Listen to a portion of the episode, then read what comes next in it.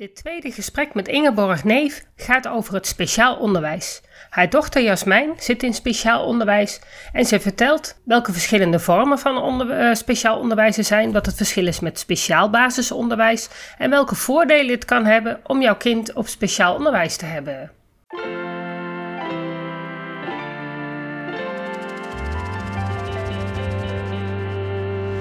Welkom bij de Beelddenkers podcast.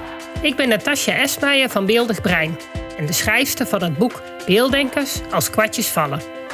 Ik neem jullie mee in de wereld van de beelddenkers. Beelddenkers zijn creatieve, intelligente en zorgzame mensen, maar ze hebben moeite met onze vluchtige, snelle maatschappij. Dat begint al op school en het werkt door in het werkende leven. Ik ga in gesprek met leerkrachten, ouders van beelddenkers en met de beelddenkers zelf natuurlijk.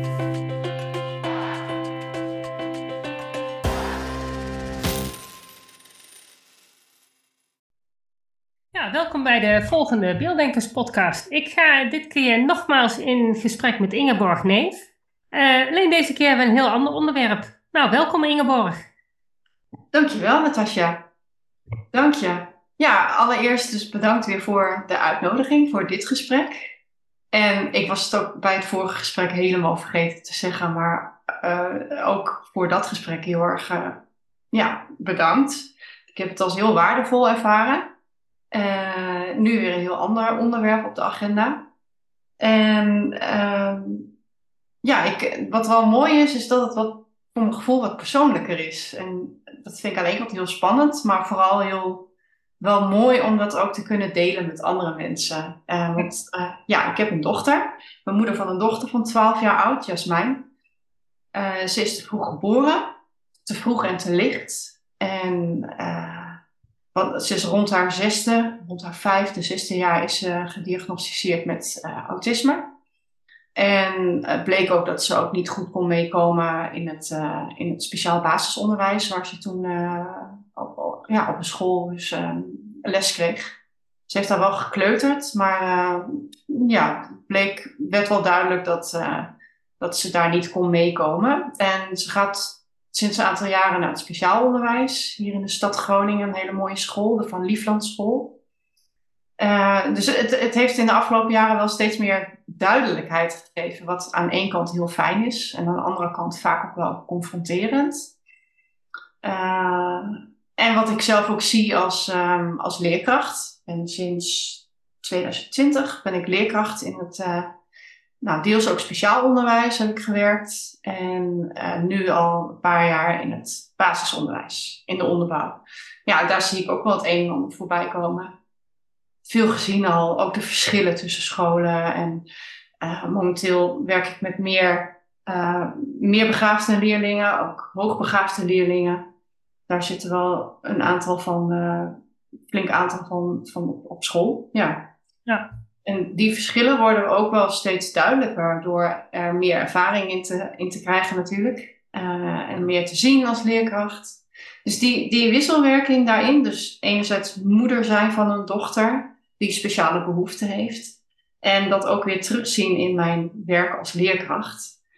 Dat is wel, ja, vind ik wel een hele bijzondere en mooie en leerzame combinatie. Ja, lijkt mij ook. Want je, ben je even vergeten te vertellen dat jouw uh, dochter ook nog autisme heeft? Klopt, ja, ze is gediagnosticeerd met, uh, met autisme. Ja. En niet dat dat uitmaakt, maar is wel voor de beeldvorming even handig, denk ik. Ja, klopt. Ja. ja. Um, nou had je het over speciaal basisonderwijs, want daar is jouw dochter eerst naartoe gegaan. Ja. Um, we hadden samen even bedacht van misschien is het handig dat we in deze podcast een beetje zicht geven op wat voor een uh, soorten speciaal basisonderwijs, speciaal onderwijs er eigenlijk allemaal zijn. Dat als jij als mhm. ouder met een kind zit die vanuit school te horen krijgt van goh, misschien is het wel handig dat jouw kind naar speciaal basisonderwijs uh, gaat of naar speciaal onderwijs gaat. Dat, uh, dat, ja, dat ouders een beetje weten welke verschillende uh, vormen er zijn en ja, waar je op kunt letten. En, want er zijn best wel specifieke um, aanduidingen voor welke kinderen waar op welke school het beste hun plekje mm kunnen vinden. Ja. Ja, en het is hoe dan ook wel een zoektocht en, en, en kijken naar wat past het beste bij mijn kind. dus even los van welke school inderdaad, maar hè, waar, ehm, waar komt mijn kind het beste tot ontwikkeling? En of dat nou SPO is, dus speciaal basisonderwijs, of speciaal onderwijs, of openbaar Wie bepaalt dat? Bepaal jij dat als ouders of uh, krijg je daar hulp van bij, bij, van school? Ja, op, er, er is heel veel hulp vanuit school, gelukkig. Want uh, ja, ik, mijn ervaring uh, ermee is ja, wel heel positief. Maar ook omdat je zelf nog zoekende bent in zo'n proces ook. Dan is het fijn als er mensen meekijken die, um, nou, die, die inderdaad dat, goed, dat, dat netwerk uh, goed duidelijk hebben. En, en je daar um, en, en je kind ook goed kennen. En dat dan samen kunnen voegen en uh, daarin overleggen natuurlijk. Want je hebt als ouder daar ook wel wat over te zeggen. En ja, het recht op onderwijs geldt natuurlijk voor elk kind. Maar als ouder ken je je kind zelf het beste. Um, los van jouw uh, professionele blik. En, die, dat heb je weer nodig van, van, de, van de mensen die daar op school rondlopen. Zoals de IP'er. Um, oh, ja, ja, wat zeg je? Orthopedagoog. Ja, ook. Bij de ja. vaak bijgehaald. Ja. ja, en de leerkrachten zelf. Mhm. die, die, ook signaleren en die, die uh, de ontwikkeling natuurlijk ook bijhouden. En dus het is wel, um, ja, wel uiteindelijk een heel groot team wat er omheen zit. Ja, dat klopt. Ja. Zo'n MBO zit je vaak met tien man om de tafel. Ja. Ja. Ja, dus... Oké, speciaal basisonderwijs. Want volgens mij is jouw dochter daar ook begonnen, toch? Speciaal basisonderwijs? Ja, ze is vanuit uh, de therapeutische peutergroep, um, therapeutische peutergroep op het uh, UMCG, Beatrix Kinderziekenhuis. Daar is ze doorgestroomd naar de SBO Bekenkampschool in Groningen. Uh, omdat het was toen al duidelijk dat, uh, dat ze het niet zou, uh, zou trekken, niet zou redden op, op, op het openbaar onderwijs, speciaal, of speciaal. Regulier onderwijs. Ja, precies. Ja? Basisonderwijs. En, en daarvoor liep ze al te ver achter in haar ontwikkeling. Of ja, ze maakte te kleine stappen. En speciaal basisonderwijs is er juist op gericht om kinderen in hun eigen leerlijnen te zetten. En um, uh, ja, ook lichte gedragsproblemen kunnen meespelen. Uh, en, en inderdaad achterstand, leerachterstanden of ontwikkelingsachterstanden. Dat, dat is heel divers. Ja, maar speciaal basisonderwijs, voor zover ik dat weet, is wel um, in principe op hetzelfde niveau als het basisonderwijs. Ja. Dus in principe het uitstroomniveau voor, voor speciaal basisonderwijs kan gewoon HAVO of VWO zijn. Als jouw kind daar ja. um, wel de capaciteiten voor heeft. Maar ja, aan de lage kant um, gewoon uitvallen dus. Ja, het is wel een hele brede waaier wat dat betreft. Van praktijkonderwijs tot VMBO. Uh, ja, en natuurlijk ook wel HAVO, VWO. Uh, alleen wat ik heb gezien is dat, dat, um, dat er wel veel leerlingen doorstromen naar praktijkonderwijs. Ik heb zelf in het eerste jaar tijdens mijn studie PABO heb ik in het eerste jaar daarvan op het praktijkonderwijs gewerkt. En daar zag ik wel, nou niet dezelfde leerlingen doorstromen nee. die, die ik zag op Jasmijna school, maar wel die vanuit de, het SBO doorstroomde naar het praktijkonderwijs. Dat, Ja. Het gros daarvan komt wel um, nou, vanuit het SBO daar, daar naartoe. En ook al veel VMBO. Ja, dus ik denk ook, ook de reden waarom jij naar SBO uh, gestuurd wordt vanuit het regulier onderwijs. Of dat juist voor jouw gedrag is of Mm -hmm. neurodiversiteit. Dat Mhm. wordt meestal veroorzaakt door een neurodiversiteit. Of ehm jouw intelligentiequotient natuurlijk. Ja, Jouw, eh, jouw cognitieve eh, intelligentie. ja, Maar daar zit ook nog een verschil, hè? Ik bedoel, ja, ook al met, met kinderen met een cognitief lager intelligentieniveau gewerkt, maar die wil niet zeggen dat ze op alle gebieden heel laag scoren. nee, Kunnen soms op, op, op sociaal-emotioneel gebied heel hoog scoren. ja, Heel veel mensenkennis hebben. En dat, Ja. dat is fijn als ze dat op school ook kunnen ontwikkelen. ja, Het is vaak niet in een, in een gewone basisschool, omdat ze daar ja, niet de aansluiting krijgen en niet de juiste onderwijsbehoeften voorzien worden. nee. Nee, klopt. En dat is in, in het SBO wat ik daar heb ervaren. Nou, dat waren dan natuurlijk wel alleen de, uh, de kleuterjaren die Jasmijn daar uh, Mhm. heeft, uh, heeft doorgebracht. Maar dat daar wel meer aandacht voor is. En dat daardoor leerkrachten, ja, die zijn daar ook wel speciaal in geschoold en krijgen daar trainingen voor. Op gedrag inderdaad. En op sociaal-emotioneel ook. Ja. Ja. En... ja, daar wordt wel meer in ondersteund. Ja, en op zich hebben ze daar ook kleine klassen, neem ik aan. Ja, ja ook rond de 15. Oh ja, ja. Uh, soms wat meer, maar er is ook altijd een onderwijsassistent uh, die daar in, in, in elk geval in de onderbouw. De overbouw weet ik niet precies. Um, maar ja, wel, wel kleinere klassen. En de samenstelling wordt ook rekening mee gehouden. Hè? Hoe het met ja. het gedrag zit en het ja, sociaal. En dat je er niet per se altijd op jouw leeftijd ingedeeld wordt. Maar dat er ook, nee, ook andere nee. indelingsopties uh, zullen zijn. Mm -hmm. ja. Klopt. Is er ook speciaal voortgezet onderwijs? Dus uh, ik weet dat er mm -hmm. voortgezet onderwijs speciaal onderwijs is. Maar mm -hmm. ook een vorm van SBO voor het voortgezet onderwijs? Of weet je dat niet?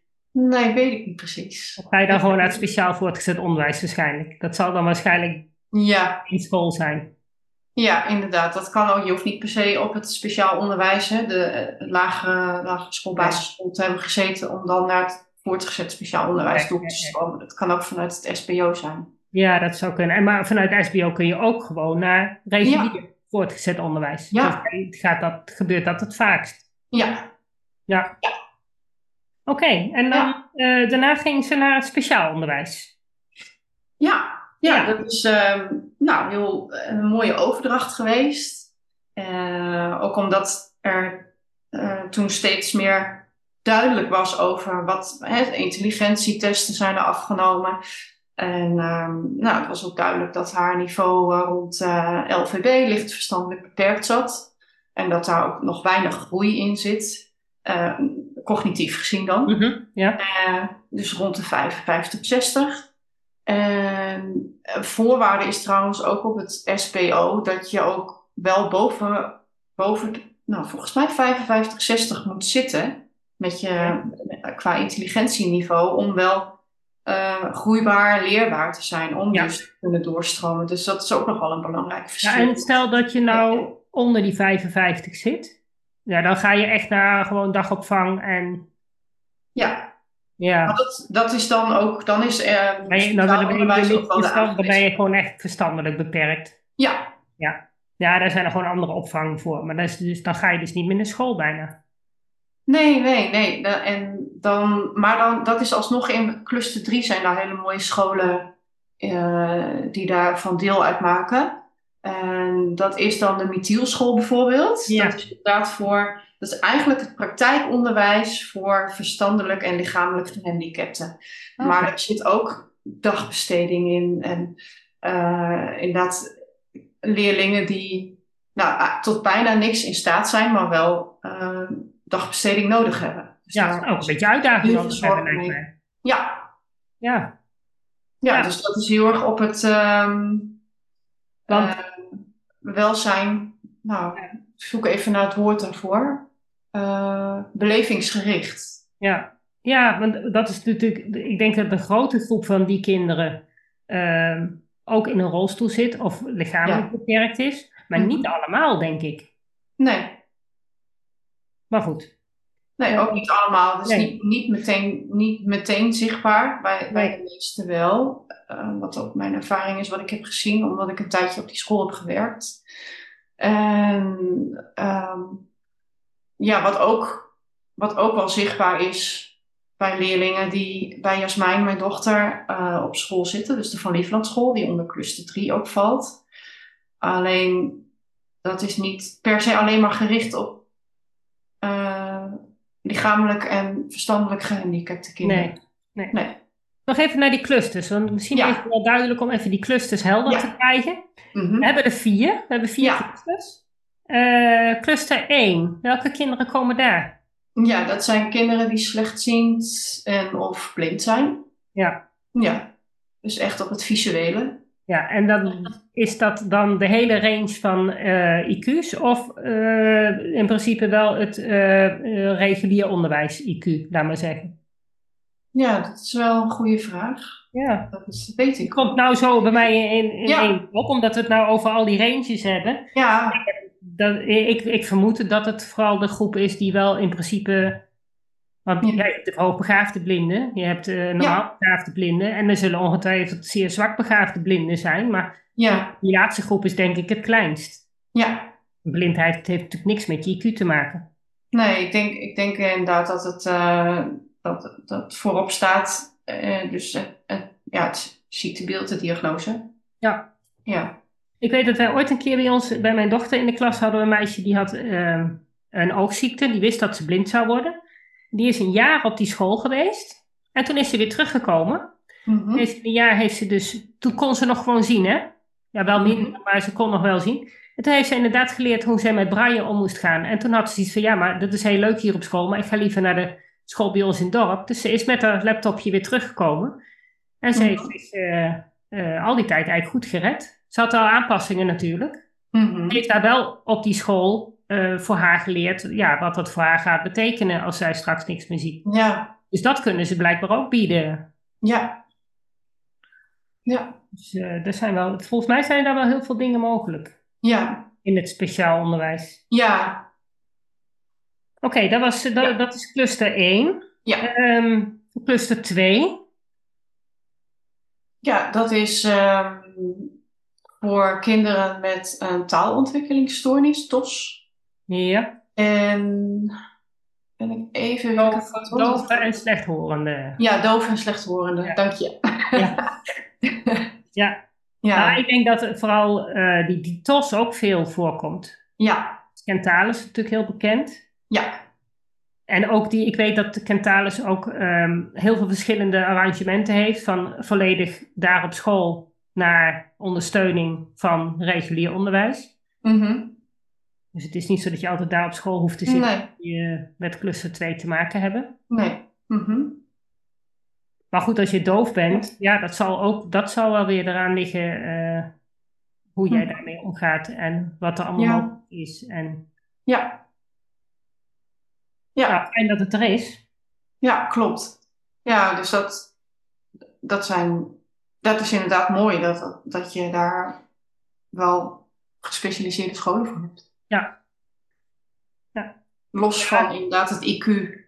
En wat je zegt, het kunnen ook hoogbegaafde kinderen zijn of meer begaafde kinderen. Ja, ook, of- ik vraag me alleen af of die op cluster 2 terechtkomen. Mhm. Ik heb ook meer kinderen in mijn praktijk gehad die inderdaad hoogbegaafd waren en een TOS hadden. Maar dan wordt die TOS vaak niet opgemerkt, Ah, omdat ze dat kunnen compenseren. Ja. Dus eh, dan hebben ze vaak niet in de gaten dat, dat er een, een taalontwikkelingsstoornis speelt. Wel eens vaker, hè? Ik bedoel, taalontwikkelingsstoornis heeft ook heel veel verschillende gradaties. Mhm. Net als de meeste andere neurodiversiteiten. Dus het is maar net de vraag of dat er inderdaad iemand op het idee komt dat het wel eens een TOS zou kunnen zijn. Ja. Ja, zo zie je maar ook hoe belangrijk het is. Dat dat Het is eh, ontzettend belangrijk om te, en Ja, meegenomen. dat- ja, terwijl iedereen zit te zeggen van ja, we mogen kinderen niet in een hokje plaatsen.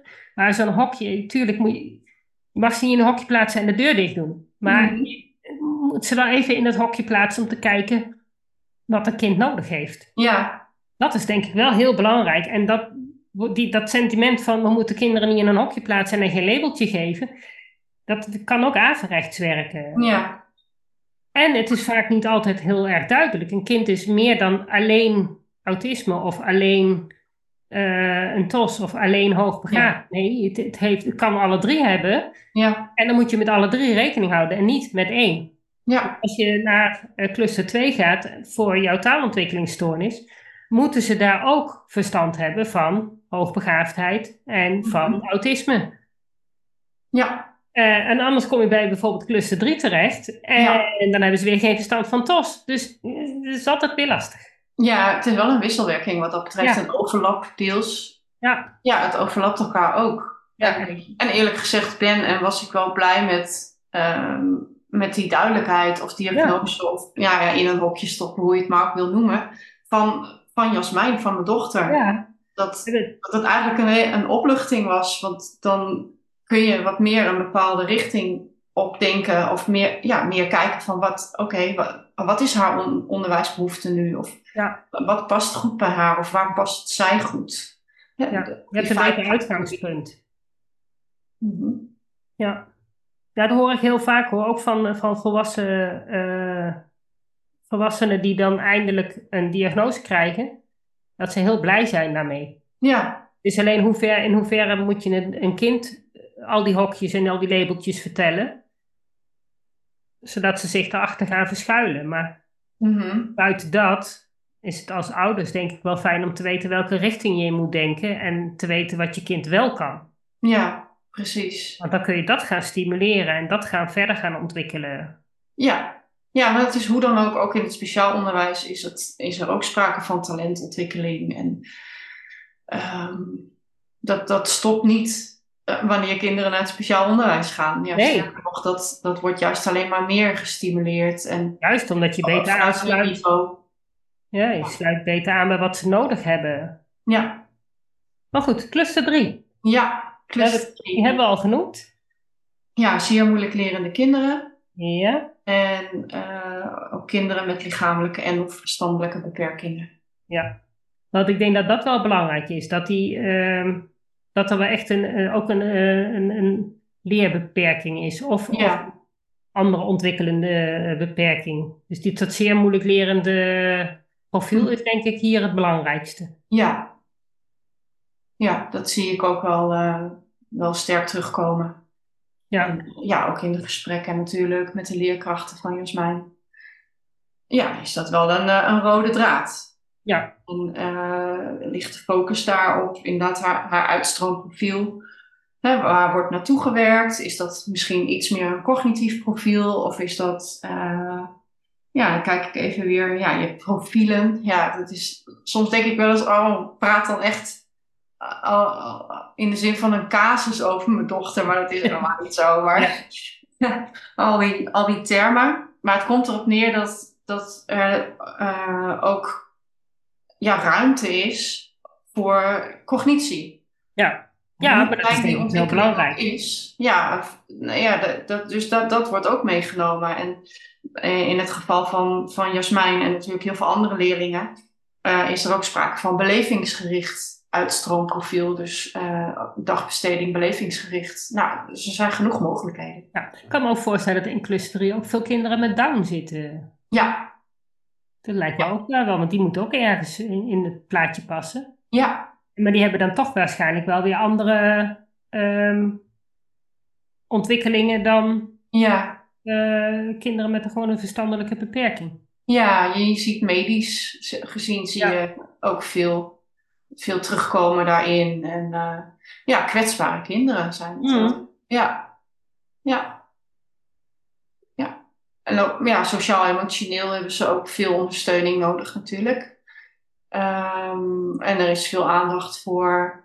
eh, nou ja, ze hebben wel methodes, ook met, met rekenen, werken ze met rekenboog. En maar dat is dan heel concreet en heel eh, praktijkgericht op Ja. de dagelijkse gang van zaken. Dus aansluiten bij hun niveau, hun belevingswereld. Ja, en uiteindelijk zorgen dat ze straks boodschappen kunnen doen. Ja, dat ze zelfredzaam zijn, zo zelfredzaam mogelijk. Hè, wat, Ja. wat, eh, wat lukt. Want dat is bij heel veel ook niet op dit, ja, op dit moment. eh, wat ik, als ik even dan weer naar mijn dochter mag Ja. terugverwijzen, dan eh, lijkt het, op dit moment lijkt, lijkt het er niet op dat, dat, dat dat gaat lukken bij haar. Daar heeft Nee, ze maar het echt kan ook zijn. even begeleiding nodig. Maar dat, dat, dat, kijk, die ontwikkeling gaat wel verder. Ja, En zeker als je autisme hebt, betekent dat ook dat jouw brein nog heel lang verder blijft ontwikkelen. ja gelukkig Dus wel. heeft ze ook Ja. nog heel veel tijd om Ja. dingen bij te leren. Ja, en dat zie ik ook wel hoor. Dat, dat zijn van die kleine haakjes dan af en toe. En dat ik denk, oh, eh, ja, misschien, misschien niet in de zin van begrijpend lezen, begrijpend schrijven, maar technisch gezien kan dat zeker wel. En dat, dat vond ik ook wel heel mooi om, toen ik met de Pabo, met de versnelde Pabo bezig was, eh, dat er heel veel puzzelstukjes eh, steeds meer op zijn plek vielen. Van, oh, nou, dit is mogelijk, dat is mogelijk. En niet alleen voor Jasmijn, maar voor heel veel kinderen in het algemeen. Ja. Dat vond ik wel echt heel, heel mooi om dat te ontdekken en, en om daarmee bezig te mogen in mijn werk. Ja, ja je hebt natuurlijk een bepaald verwachtingspatroon. Ja, Maar, en je bent natuurlijk ongeduldig, want je weet niet of het nog gaat Mhm. komen. Maar ja, als je het gewoon op haar eigen tempo laat doen, dan heb je best kans dat er best nog heel veel gaat gebeuren natuurlijk. ja. Op de tempo als dat jij het liever zou hebben. Ja, nee, daar, daar, daar stip je wel iets heel moois aan. Dat dat ook met vertrouwen begint of eh, inderdaad geduld. Eh, en ja, je niet vastzetten op één iets of ha- haar vastzetten van, oh, dit is het dan. En eh, want eh, daar doe je haar, maar ook andere ja, gewoon kinderen in het algemeen mee tekort Hmm. dat inderdaad iets wat nog niet zichtbaar is, kan er al wel, kan er al lang zijn. Ja. Eh, ja, dus Het is dat. ook echt een, ja. een heel proces die je als ouder door moet, denk ik. Op het moment dat je, nou ja, je krijgt gewoon je krijgt een kind, daar ben je heel blij mee. Mhm. En dan ontwikkelt het zich toch anders dan dat je verwacht had. Nou ja, dan worden ze zes en moeten ze naar speciaal onderwijs. En plus de drie, dan ben je, ja, dan wordt, wordt je verwachting al een stukje minder. Ja, Dat moet je wel op een gegeven moment ook gaan accepteren en daar verder mee. ja, Het gaat niet vanzelf. Je krijgt niet bij de geboorte een kind en dan zeggen ze niet bij, oh nou ja, jouw kind gaat straks niet, eh, als het 12 is, kan het nog niet lezen en rekenen. Nee, dat, ga je, dat, dat weet je niet. Dat, maar die verwachting heb je als ouder wel. ja, Dus Ja, ja, moet je ja. afscheid nemen Ja. van dat verwachtingspatroon. ja. Verwachtingspatroon en eh, je eigen referentiekader, wat je, wat je zelf, wat je eigen schoolcarrière is geweest, wat je om je heen ziet, hè, je omgeving, je, eh, ja, je netwerk, je vangnet. Dat, dat speelt allemaal mee. En dat neem je ook mee in je communicatie of je beeld van wat je van je eigen kind hebt, onbewust. Dat projecteer je. Ik heb dat ook heel lang wel geprojecteerd op haar. En nu niet meer. Nee. Eh, omdat ik er wel anders naar ben gaan kijken. En ja, daar, mijn ervaring in het onderwijs, dat neem ik ook mee uiteraard. Dus ik ben, ben daar wel heel blij mee eigenlijk om dat te zien. En ook daar steeds meer in te ontdekken. Ook voor haar. Dat zij steeds meer ontdekt. Dat we dat samen mogen ontdekken. Dat vooral. Ja. Ja. Ja, want ik denk dat het een, dat is, kan een heel mooi proces zijn. Zolang jij dat inderdaad als ouder los durft te laten. Mhm.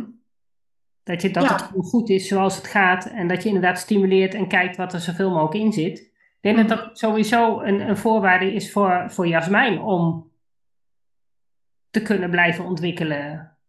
Ja. Zij steeds aan verwachtingen moet voldoen waar ze niet aan kan voldoen, ja, dan eh, geeft ze op een gegeven moment de moed op natuurlijk. Ja. Ja, dat, dat zal voor haar ongetwijfeld ook voelbaar zijn en werkbaar. En eh, ja, voor, voor elk kind ook, eh, los van het recht op onderwijs, vind ik ook het recht op goed in je vel zitten. Dus het welbevinden. Eh, of het nou een kind is met HD en autisme of alleen HB. Of aan de andere kant, hè, LVB, licht verstandelijk beperkt. Ja, dat, dat hoort niet uit te maken. Nee, ik denk ook dat het niet, niet Ja. het recht op onderwijs moet zijn. Ik denk dat het recht op op ontwikkeling moet zijn. Ja, onderwijs is natuurlijk wel dat. Ja, dat, de, de dekt de lading ook niet goed. Recht op Nee, ontwikkeling en ook recht op keuze, vind ik. ja, ja, Keuze, dat, dat, er, dat die keuze er is en dat die keuze ook een andere kant op mag gaan. Als het toch blijkt dat, dat iets anders beter past. Of, eh, of er komen nieuwe onderwijsvisies of eh, er worden nieuwe dingen opgezet. Ja, dat, dat je dan ook nog steeds die keuze hebt als ouder, maar ook als leerkracht, als onderwijsinstelling en als kind. ja. Kijken, we hebben cluster 4 nog niet gehad. Laten we het even afmaken. Nee, dit, Ja. dat is ook nog inderdaad. Ja, Ja, dat is er ook nog. En dat, dat is wat ik het meeste tegenkom. ja. Eh, Tenminste, dat ik, eh, als ik kinderen uit speciaal onderwijs krijg of die naar speciaal onderwijs doorgestuurd worden, is dat Mhm. meestal cluster 4. En cluster 4 is eh, natuurlijk op, op gewoon normaal niveau, of tenminste hetzelfde, gewoon VMBO tot VWO, laat maar zeggen. ja. Dus, geen VWO op cluster 4. Maar wanneer Ja. ga je naar cluster 4? Ja, dat, dat eh, is op eh, gedrag gericht. Eh, maar dan ook, ja, echt zware gedragsproblematiek. Dus dat. Ja, dat- maar- ja. En, en alle kinderen met ADHD, autisme. Volgens mij komen die ook uit. Hier staat ook psychische stoornissen. Nou wil ik ADHD geen psychische stoornis noemen. Nee. En autisme ook niet. Maar goed, zo verwoorden ze dat nou eenmaal vanuit het eh, ministerie, helaas. Ja. mhm. Eh, maar dat is wel die groep ehm, die volgens mij op cluster 4 terechtkomt. Ja. Ja, als ik even naar, naar Groningen kijk, eh, REN 4. Ehm, ja, maar inderdaad psychische problematiek. Ja, Ja. maar ge- gedragsproblemen kunnen natuurlijk ook een andere oorzaak hebben. Ja, kunt ook eh, een thuissituatie hebben die niet ja eh, klopt. heel Ja. prettig is. En, of, of gewoon een nare gebeurtenis die je mee hebt gemaakt. Daardoor kun je ook psychische klachten krijgen. Ja, Waardoor jij gedragsproblemen ontwikkelt. ja, Maar wat ik het meeste zie is dat inderdaad het, het, het schoolsysteem niet passend is. mhm. En daardoor kinderen gedragsproblemen krijgen, omdat ze gewoon eh, getraumatiseerd zijn. Of, eh, ja, en dan wordt er een, een diagnose gezocht en dan gaan ze naar cluster 4. ja. Ja, het, ge- het gedragsproblematiek gaat daaraan vooraf natuurlijk. Ja. Het is echt wel gedragsproblematiek, maar eh, eh, ja, dat, dat is er al of dat is er eerst. En ja, en dan, ja, je komt daar niet zomaar natuurlijk. Dus Dat dat komt er niet zomaar. Nee. al, heel hoeft het niet altijd gedrag te zijn, want mijn dochter heeft Nee, autisme. Ja, Maar ze hebben er toen op een gegeven moment wel voorgesteld om naar, om naar speciaal onderwijs te gaan, maar gewoon op basis van autisme. ja, ja, Van kleinere klassen. ja, Eh, alleen voor haar was het gewoon fijner dat ze minder uren naar school kon. En dat is dan op speciaal onderwijs weer niet zo vanzelfsprekend. nee, Kan wel geregeld worden hoor. Ik weet, speciaal onderwijs, die regelen ook van alles. ja, Daar is, eh, per kind is er gewoon van alles te regelen. Eh, mits, mits school natuurlijk, en dat, dat geldt voor elke school, mits school de noodzaak ziet. mhm. Ja, dat is het ook. Eh, Ja. hè, van hoe, hoe leggen zij zich daarop toe? En, en hoeveel ruimte krijgen die scholen ook? Zonder dat, ja, want als je buiten het speciaal onderwijs valt, hoeveel ruimte is er dan inderdaad om, om af te mogen wijken of om buiten de inspectienormen om? Dat, dat ligt heel erg aan de school. De school Ja. zelf kan er, maar de school moet het wel weer verantwoorden, inderdaad, naar de schoolinspectie toe. Mhm. Dus wil je een kind vrijstelling geven van een bepaald vak, dan moet dat via de schoolinspectie. Ja, Maar wil jij een kind minder uren geven, dan heb je daar de VARIA-wet voor.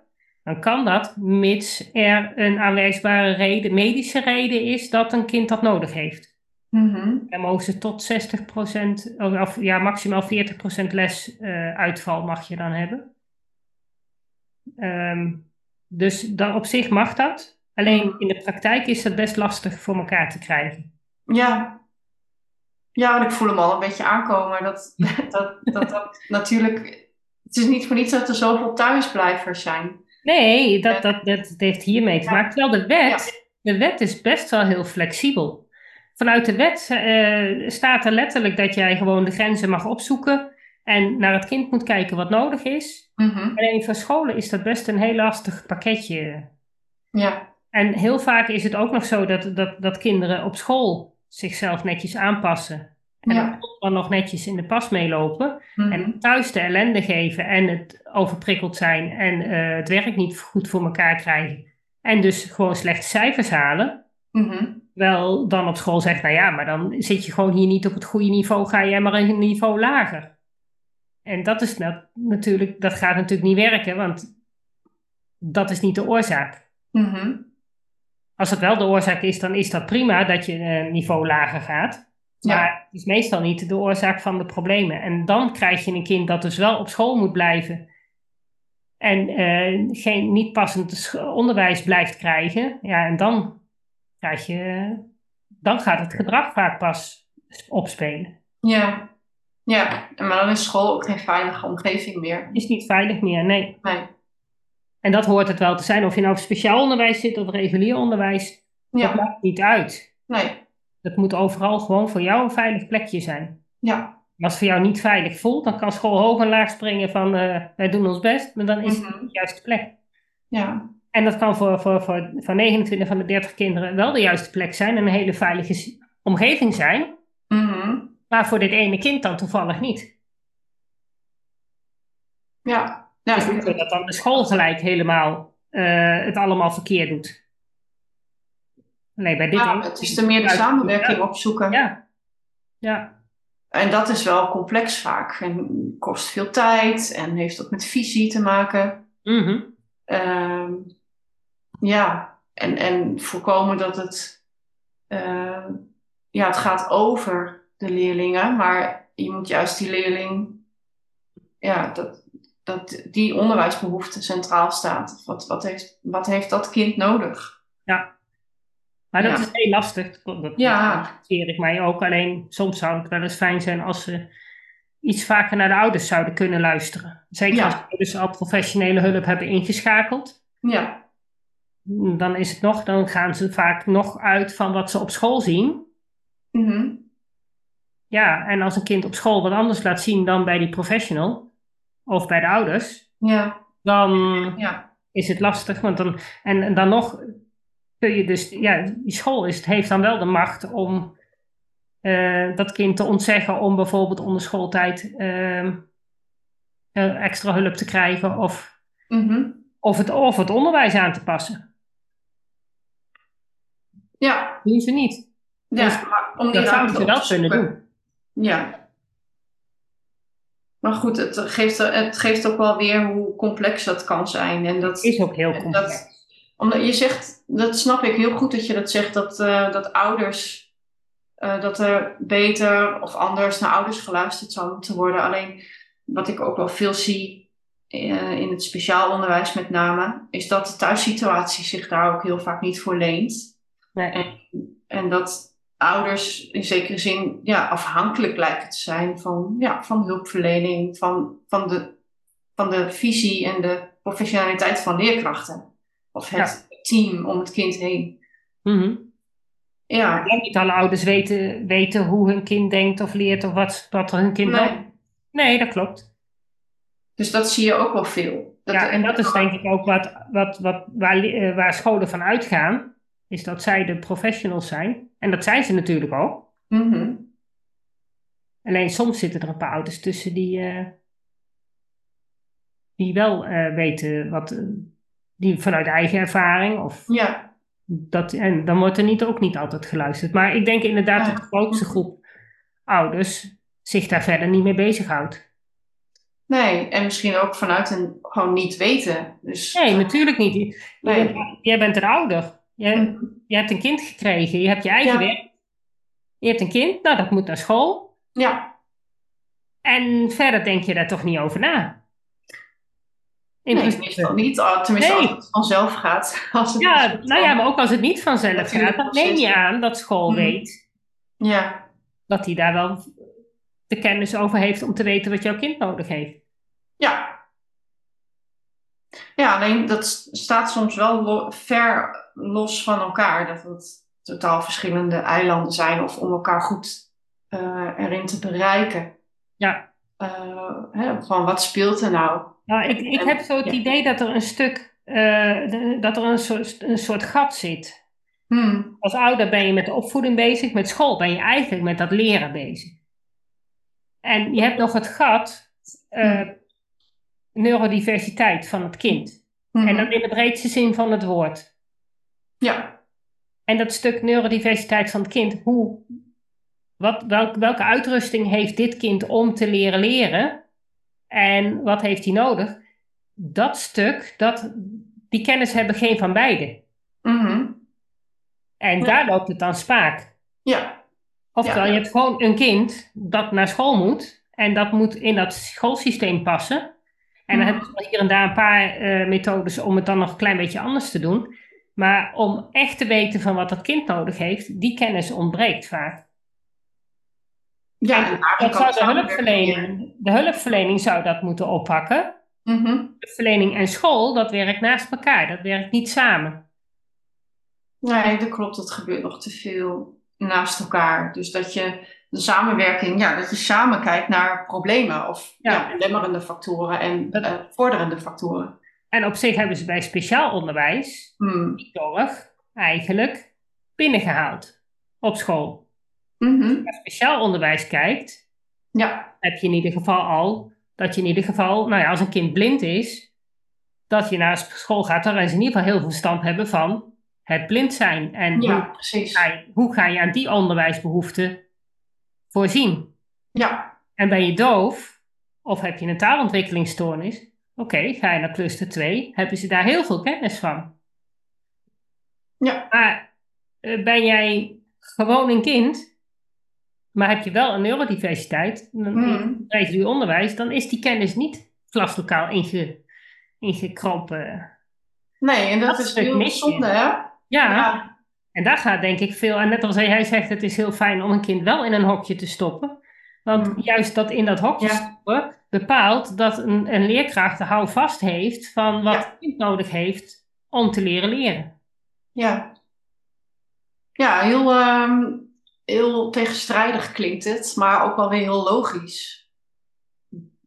Wel, als er wel een diagnose is of duidelijkheid over van wat, wat is dit nou? Wat, hè, blijkbaar is er dus heel veel behoefte aan eh inderdaad onderkenning of eh, van wat, wat is dit nu? En zodra het wat meer wat diffuus wordt of nog niet helemaal duidelijk is, ja, dat is dus zoeken, maar ook nog niet genoeg de samenwerking opzoeken, denk Nee. ik. Want ik denk op het moment dat er, nog, dat er totaal nog geen labeltje aan een kind hangt, terwijl dat kind gewoon het kind is met zijn autisme, met zijn ADHD, met, maar er hangt nog geen labeltje aan, dan is het gewoon één van de kinderen.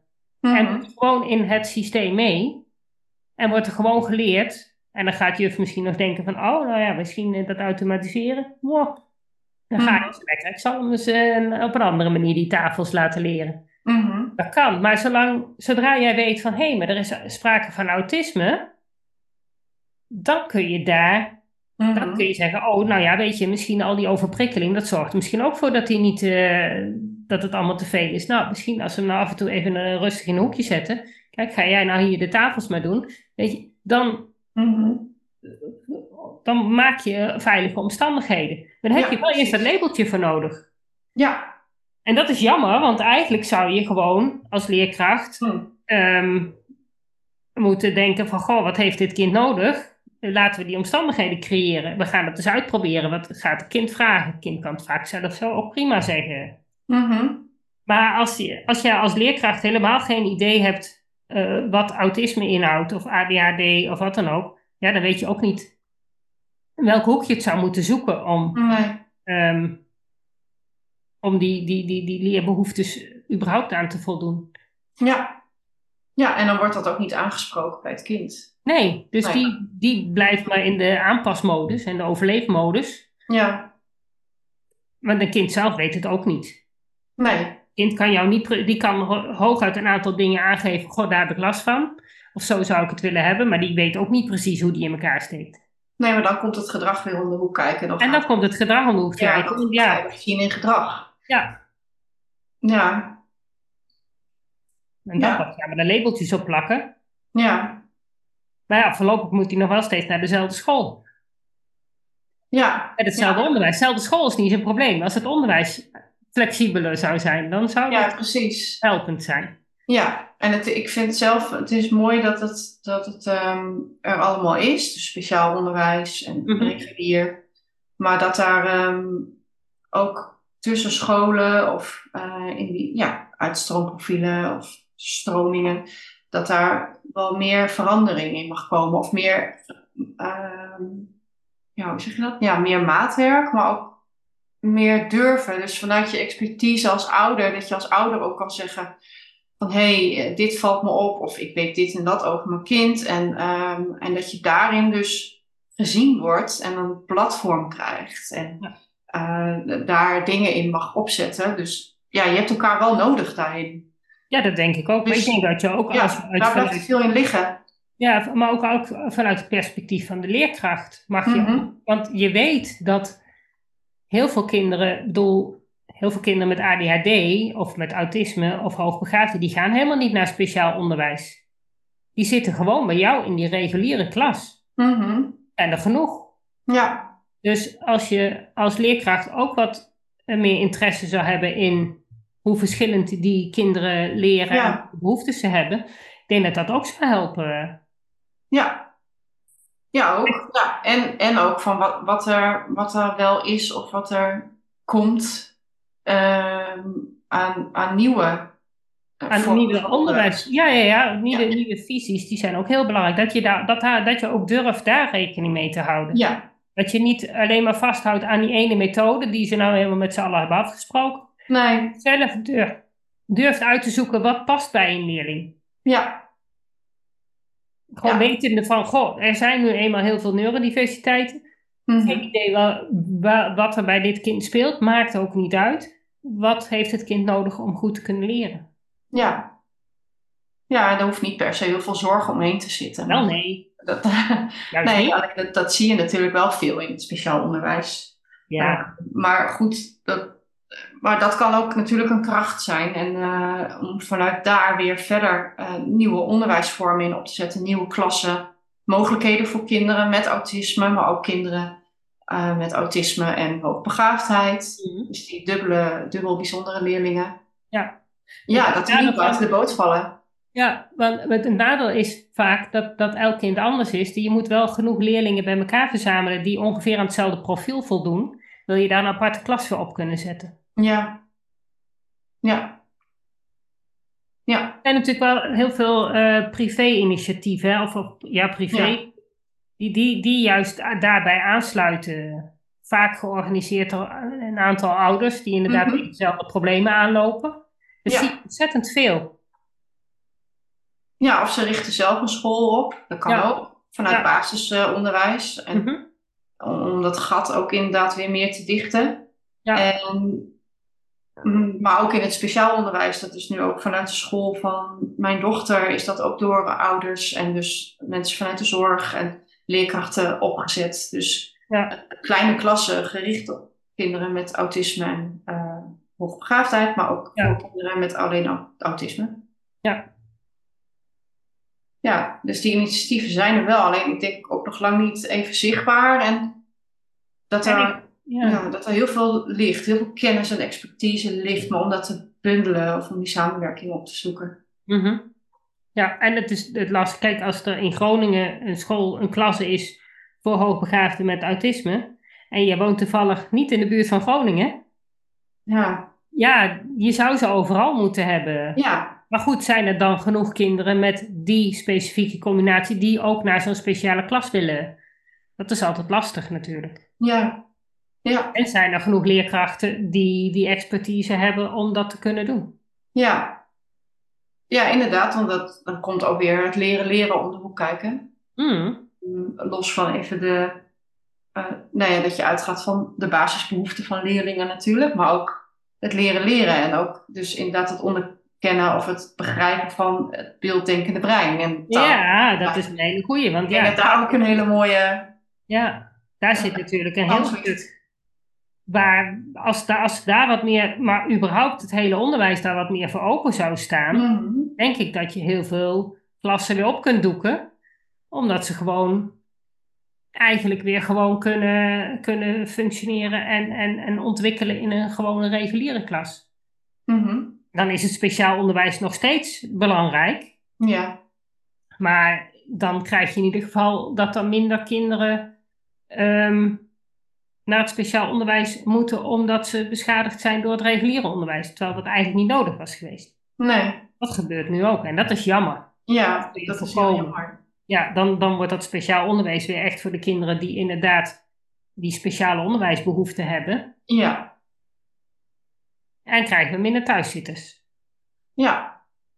Ja, maar ik denk dat ook dat, dat, ehm, dat het vaak nog te zwart-wit is. Dat je dan die, die, eh, nou, die pijlers hebt binnen het speciaal onderwijs en dan het regulier onderwijs en het speciaal basisonderwijs. Maar ik denk ook juist een, dat het best mag mengen, dat je mengvormen mag hebben.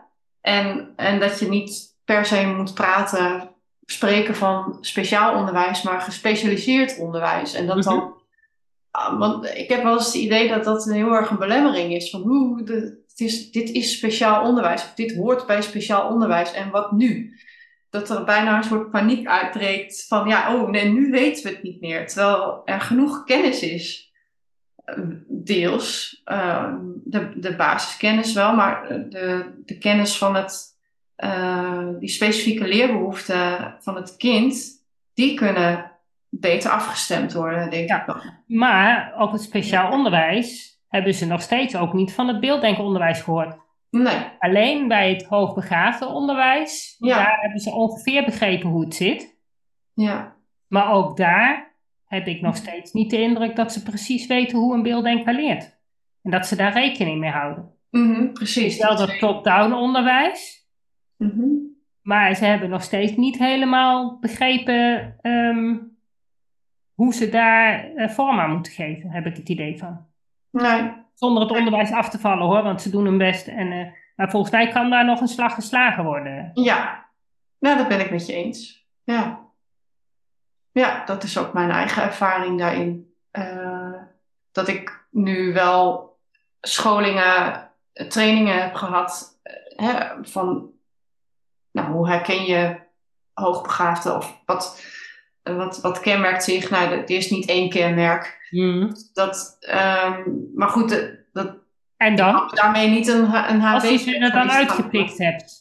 Als je ze er, dan heb je geleerd hoe je ze eruit moet pikken. Um, en, dan? Nou, ja, en dat dat al bij kleuter, kleur, het kleuteronderwijs ja. begint. Maar wat ga je er dan mee doen? Want het is heel leuk dat je ze kan, eruit kan halen, maar ja. wat ga je er dan mee doen?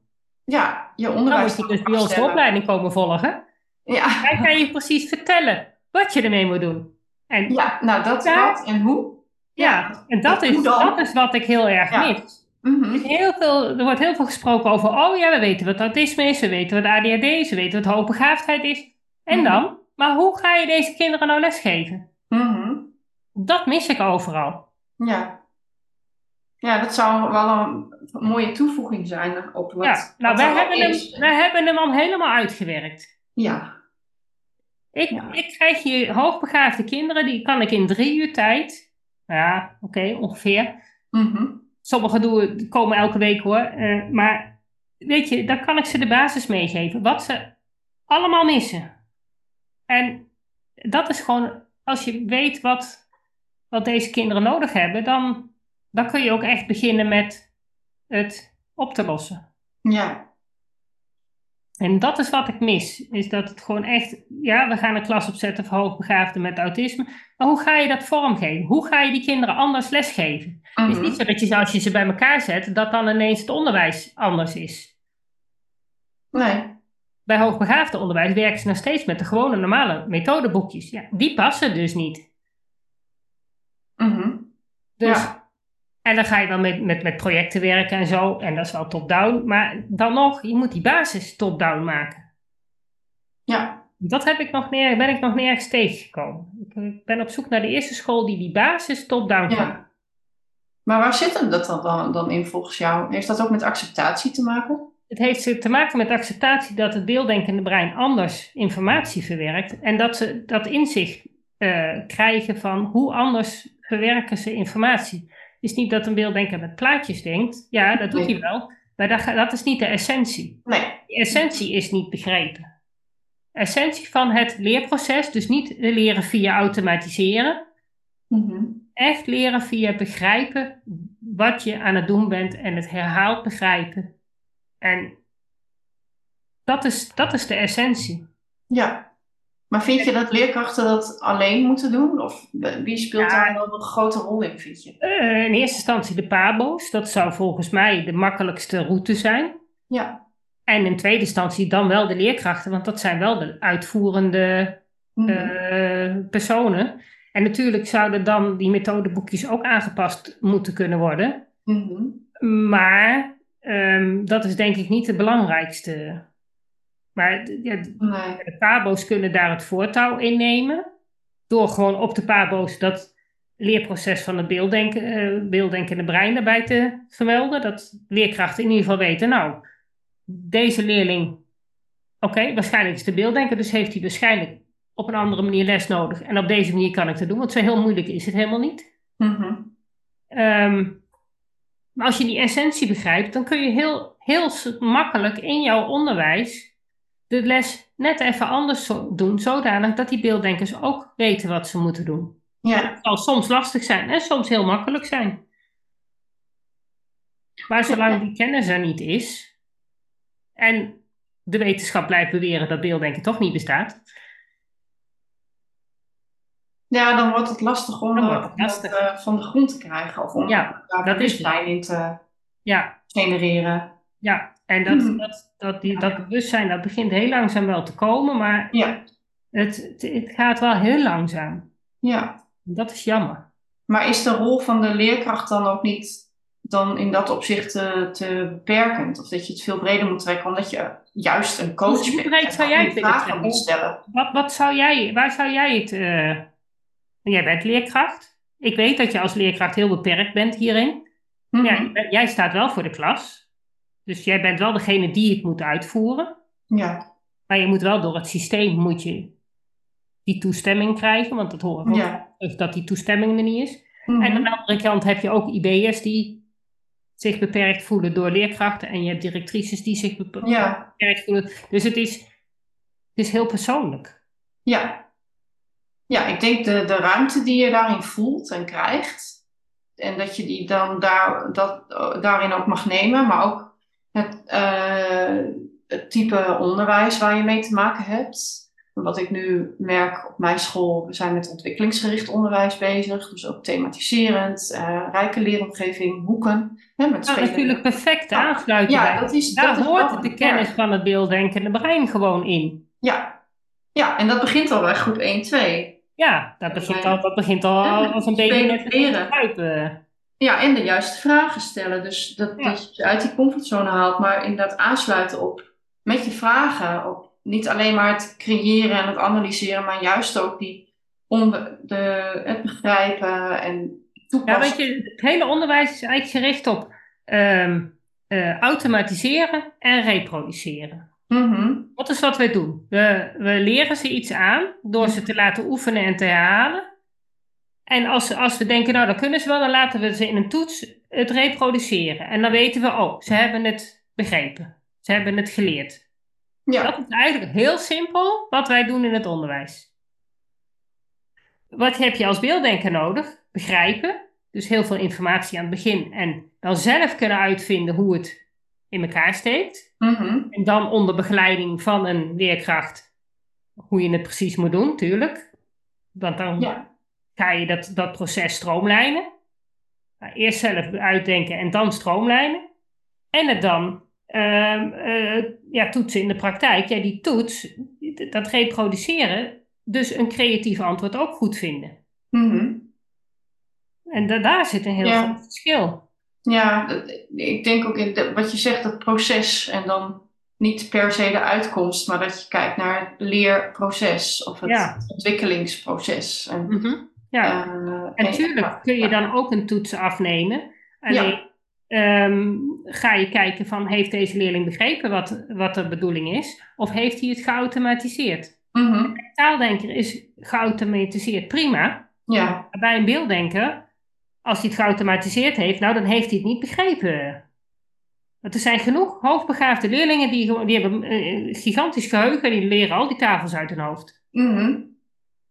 Ja. Maar als je dan een, een som eh, 7 keer 13 laat uitrekenen, hebben ze geen idee. nee. Ze hebben niet eens een idee wat een keersom is. Mhm. Ze weten niet eens wat ze dan aan het doen zijn. Ja.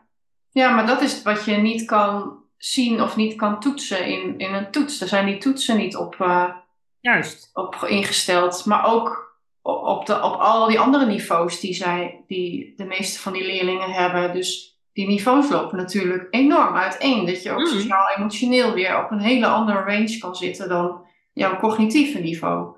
Ja. Ja, dus wat zegt zo'n toets nou eigenlijk? Helemaal Ja. niks. Nee. Want die, die zegt alleen maar dat jij weet hoe die tafelsommen, eh, wa- wat, niet hoe ze uitgerekend worden, wat de uitkomst van de tafelsom is. Dat weet je. Ja, Dat heb je getoetst. En voor taaldenkers is dat prima, want die kunnen daardoor uiteindelijk begrijpen wat, hoe ze daar zijn gekomen. Een beelddenker weet niet hoe die daar gekomen is. Terwijl als je bij een beelddenker moet je gaan uitleggen wat een keersom is. Ik heb hier genoeg hoogbegaafde kinderen van 11 die mij niet kunnen vertellen wat een keersom is.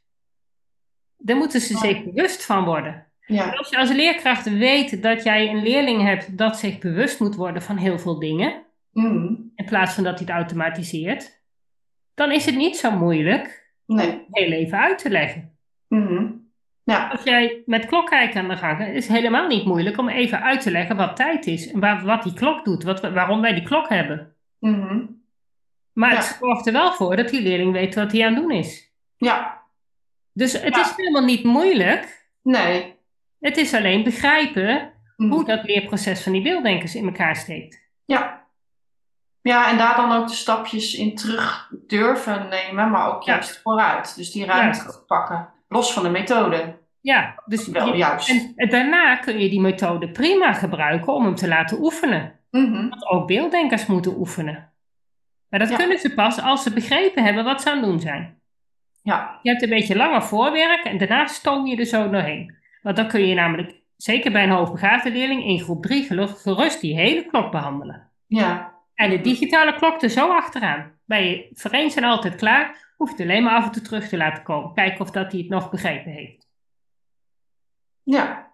Ja. Maar dan, als ik het goed zie, dan is dat eigenlijk ook, eh, hoeft de, de, school, de vorm waarin het onderwijs plaatsvindt, dus of dat nou, die labels even weer, Hmm. eh, speciaal onderwijs en speciaal basisonderwijs, dat hoeft er helemaal niet uit te maken. nee. Uh, alleen maar je ziet het niet overal terugkomen of overal niet. Overal niet, vooral. overal niet. Nee, ik heb nog school Helaas. gevonden die dit op deze manier lesgeeft. Mhm. Terwijl het zo simpel zou kunnen zijn. Ja, Kijk, en dan geef ik toe, als ik hier alleen met kinderen zit, is het altijd makkelijker dan dat je het klassikaal doet. Maar dan nog kun je klassikaal best, en hoef je echt niet, je bent echt niet de hele dag door bezig met en de klok uit te leggen en eh, het weersysteem uit te leggen. En dat hoeft helemaal niet, want je hebt, Mm. ja, het is niet zo dat je elke keer alles helemaal uit hoeft te. Als je eenmaal uitgelegd hebt wat keersommen zijn, ja, dan weten ze dat wel. Mhm. Het nadeel is Ja. dat je bij beelddenkers in het begin wel meer tijd nodig hebt, maar als ze het eenmaal begrepen hebben, je- dan hoef je het niet honderdduizend keer te herhalen. Dus je hebt wel tijd over. Om iets bezig te doen. Ja, en dat is juist in het onderwijs eh, ook een belangrijke factor. Ja. Tijd, tijd en Nou ja. Ja, je- jullie zitten altijd te klagen dat jullie tijd tekort komen. Dus dan krijg je tijd over, is het weer niet goed. Nee, tijd over word ik juist wel heel blij van. Alleen als je maar gefocust bezig bent en weet wat je aan het doen bent. Eh, maar ook het hoe.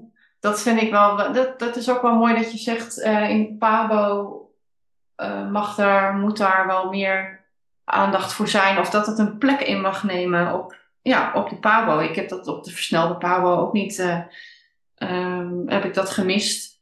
Ja, maar het het lang is- van het de is een Pabo heel- is Ja. ook niet helemaal hoor. Nee. Er gebeuren ook heel veel mooie dingen. Alleen, Hmm, oh, ongetwijfeld. Ik, ik, ben, er- ik heb maar één, één uurtje les mogen geven. En toen ik inderdaad best hele leuke dingen langskomen hoor. Alleen dan denk ik, ja, het mist net even dat ene inzicht van ja, ja, ja. die ja. beelddenker er tussendoor. Terwijl je kan het er zo in passen. Ja, het is wel een vertaalslag maken naar, maar Ja. juist omdat het een, een, een vak is, hè, leer, vak, het vak van leerkracht zijn, maar Ja. dan juist zou, er, zou dit ook, hè, van het hoe en het wat en hoe, ehm, hoe kunnen we dit gaan doen. Ehm, nou, ja, de- dus daar zit nog wel een heel groot gat, merk ik. En, en om het te koppelen ook aan, aan talentgericht onderwijs, ontwikkelingsgericht onderwijs. Ja, want dat is er allemaal al. Ja, precies. Het is allemaal niet nieuws. Dat is niet Nee. iets nieuws. Het is helemaal niet dat, je, dat, dat het hele systeem omgegooid Want dat dacht hij, wel, moet het hele systeem omgooien. Nee, dat gaat je nooit lukken. Maar je kan het wel langzaam invoegen. En Ja. volgens mij is het dan helemaal niet zo moeilijk om het onderwijs een heel stuk, in een hele korte tijd een heel stuk makkelijker te maken. Mhm. Ja, daar ga ik niet over, helaas. Nee. Ja, Maar dat speciaal onderwijs, dat, eh, ja, dat is in ieder geval een, eh, stap in de goede richting. ja. Ja. Dus, eh, heb jij nog iets anders wat je over speciaal onderwijs kwijt wil? Want volgens mij zijn we al best al een hele tijd aan het kletsen. Ja. Nee, ik, ik ben vooral heel blij dat, dat er zoveel mogelijk is in het speciaal onderwijs. Ik denk meer dan dat er nu zichtbaar is. De, ja, het is nu dus ook net eh, een, een nieuwe klas opgericht. vanuit de school waar, uh, waar Jasmijn dus op zit. Dus dat, dat, waar, daar was ik ook wel heel verrast over. Ja. Uh, heb jij dan, want zij zit op cluster 3, is die school alleen maar allemaal cluster 3 of zit daar ook nog cluster 4 bij? Is het... Nee, die school is, is echt gericht op cluster 3. Ja. Ja, maar binnen, die, binnen het onderwijsbestuur, die scholen die daaronder vallen, daar, daar zitten natuurlijk ook nog meer uh, scholen die op andere clusters gericht zijn. Ja, oké. Ja. ja. was nog even benieuwd naar. Ja. Maar ik vind vooral die ruimte opzoeken uh, mooi. En inderdaad, nou ja, met dan de juridische achtergrond dat dan ook meenemen. Dat is ook wel wat ik zelf nog wel mis en waar ik wel zoekende in ben, merk ik, om, om dat juist te combineren. Dus dat, dat juridische, dus die, die, um, dat speelveld en de, die rek daarin opzoeken. En uh, nou, vooral kijken naar wat er mogelijk is. En, en dat je dus... Maar bedoel je dat voor jezelf of bedoel je dat in de ja, algemeenheid? Ja, ook van waar ik mag werken, waar ik werkzaam ben. En uh, mm-hmm. daar um, ja, ook, ook meer naar te kijken. Dus de, de wettelijke, de, de mogelijke... Oh ja, oh, je bedoelt wat, ja. wat, welke speelruimte een school heeft... Mm-hmm. om onderwijs naar een leerling aan te passen aan, aan ja. en vakken en ja... Ja, volgens mij uh, zit daar ook. Zit daar, er zit al heel veel, heel veel expertise, maar, uh, ja, maar dat is een combinatie. Ik heb wel het idee dat scholen niet het idee hebben dat ze veel speelruimte hebben, omdat die, die schoolinspectie zo in hun nek loopt te hijgen. Mm-hmm. Aan de ene kant hebben ze de leerplichtambtenaar, die zitten ja. te zeuren dat al die kinderen naar school moeten. Al moet Ja. ik zeggen dat die leerplichtambtenaar, daar heb ik altijd ook best wel goede ervaringen mee gehad. Die Mhm. soms wel ingezet worden om juist dingen voor elkaar te krijgen. Ja. De leerplichtambtenaar mag een school niet dwingen om iets te doen. Mhm. kan hooguit advies geven van deze Ja. is niet ongeoorloofd thuis. Eh, kijk hier of daar eens naar. Maar aan de andere kant, ja, heeft een school zoiets, er zitten bepaalde regels. Ze moeten aan bepaalde vakken, moeten ze toch wel geven. En eh, ze Ja, kunnen niet klopt. zomaar vrijstelling vragen. Eh, vrijstelling gaat altijd via die schoolinspectie. Ja. Dus ja, scholen hebben, die willen soms wel, maar die kunnen vaak niet. Weten ze weer niet hoe ze het voor elkaar moeten krijgen. Zodat dat ze inderdaad binnen die juridische of binnen de wettelijke normen blijven. Ja. Nee, maar daar was Nee, ik wel blij verrast over juist. Omdat die klas die is opgericht voor eh HB'ers met autisme. de- dat die op de woensdag thuis mogen blijven. Dus dat ze Ja. niet aan de wettelijke uren hoeven te voldoen. Nee, want dat is wel. Want ehm, voor mijn dochter was het zo dat autisme, maar ook hoogbegaafdheid, werd er ook duidelijk bij gezegd. Dat zijn geen argumenten om minder naar school te hoeven. Terwijl dat juist argumenten zijn om minder naar school te hoeven. Mhm. Maar volgens de wettelijke eh, weer niet. Moest, de- het is dat mijn dochter migraine had en daar werd het opgeschoven. Nou, die migraine was gewoon een uiting van autisme. Dus het slaat nergens op dat je daarop.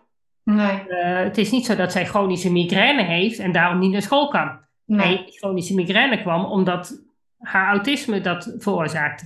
Maar Mhm. dat zien ze dan niet. En dat was, daar zat een hele grote onmogelijkheid. Mhm. En dat is dan wel weer jammer. Dus Ja. binnen de wet zou daar ook nog wel ruimte zijn. Ja. Ja.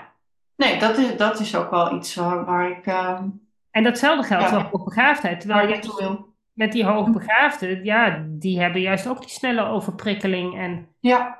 terwijl ze juist veel minder onderwijsuren nodig hebben om hetzelfde te bereiken. Als die onderwijsuren Ja. efficiënt gegeven worden. ja, precies. En inderdaad naar die onderwijsbehoeften gekeken worden. Ja, Ook prikkelarm, prikkelarme omgeving. De omgeving. Het is niet alleen een fysiek een gebouw, maar de omgeving, dat is ook zo belangrijk eigenlijk. Ja.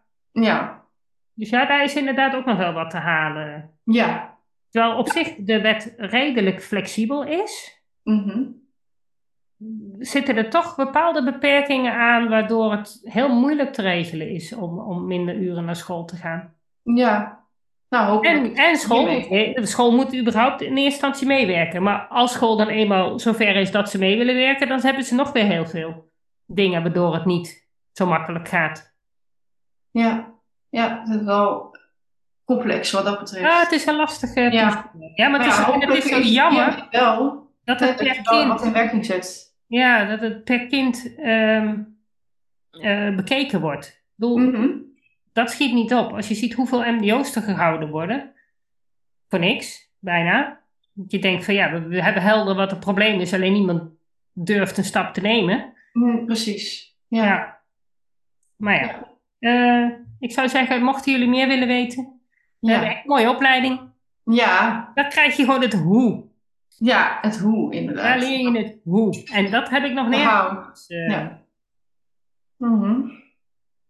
Ja, Dus, maar goed. nou ja, wie weet. Op strand, toch? Ja, Ja. Jouw dochter heeft in ieder geval een prima plekje. ja. Nou, ze komt tot leren op haar niveau. En, eh, Ja. ja, ze, ze, ze zit heel goed in haar vel. Ze is heel open Ja, en heel Ja, dat- puur. dat is belangrijk. Dan kan ze gewoon zichzelf ontwikkelen en Ja, dan kun je gewoon van elkaar genieten. ja, Daar gaat het in het leven uiteindelijk om. Dat je gewoon jezelf kunt ontplooien, jezelf kunt zijn. ja, En dan zie je elke dag weer, elke dag is er weer één. ja, zeker. Dat klopt. Ja. Ja. Nee, dus dat, dat, dat is goed zoals het nu is. Nou, fijn. Ja, Nou, dankjewel voor dit gesprek. ja, Wat jij ook helder heb ik gekregen. Ja, ja, dankjewel voor je tijd. Ja. Nou, jij ook. Oké. Oké. Dat was het weer voor vandaag. Bedankt voor het luisteren en superleuk dat je erbij was. Ik hoop dat je weer een beetje meer ontdekt hebt hoe gaaf, maar ook hoe lastig het kan zijn om een beelddenker te zijn in een wereld die is ingericht voor taaldenkers. Wil je meer weten? Lees dan mijn boek Beelddenkers als kwartjes vallen. Wil je op de hoogte gehouden worden van alle informatie die ik deel over beelddenkers in het onderwijs? Klik dan op de abonneerknop in je podcast-app. Wil je dat er meer mensen op de hoogte zijn van hoe beelddenkers anders denken? Laat dan een review achter, zodat er steeds meer mensen in beweging komen om het beelddenken serieus te nemen. Heb je nog tips of vragen? Of ben jij of je kind een beelddenker en wil jij je verhaal delen? Laat het me gerust weten.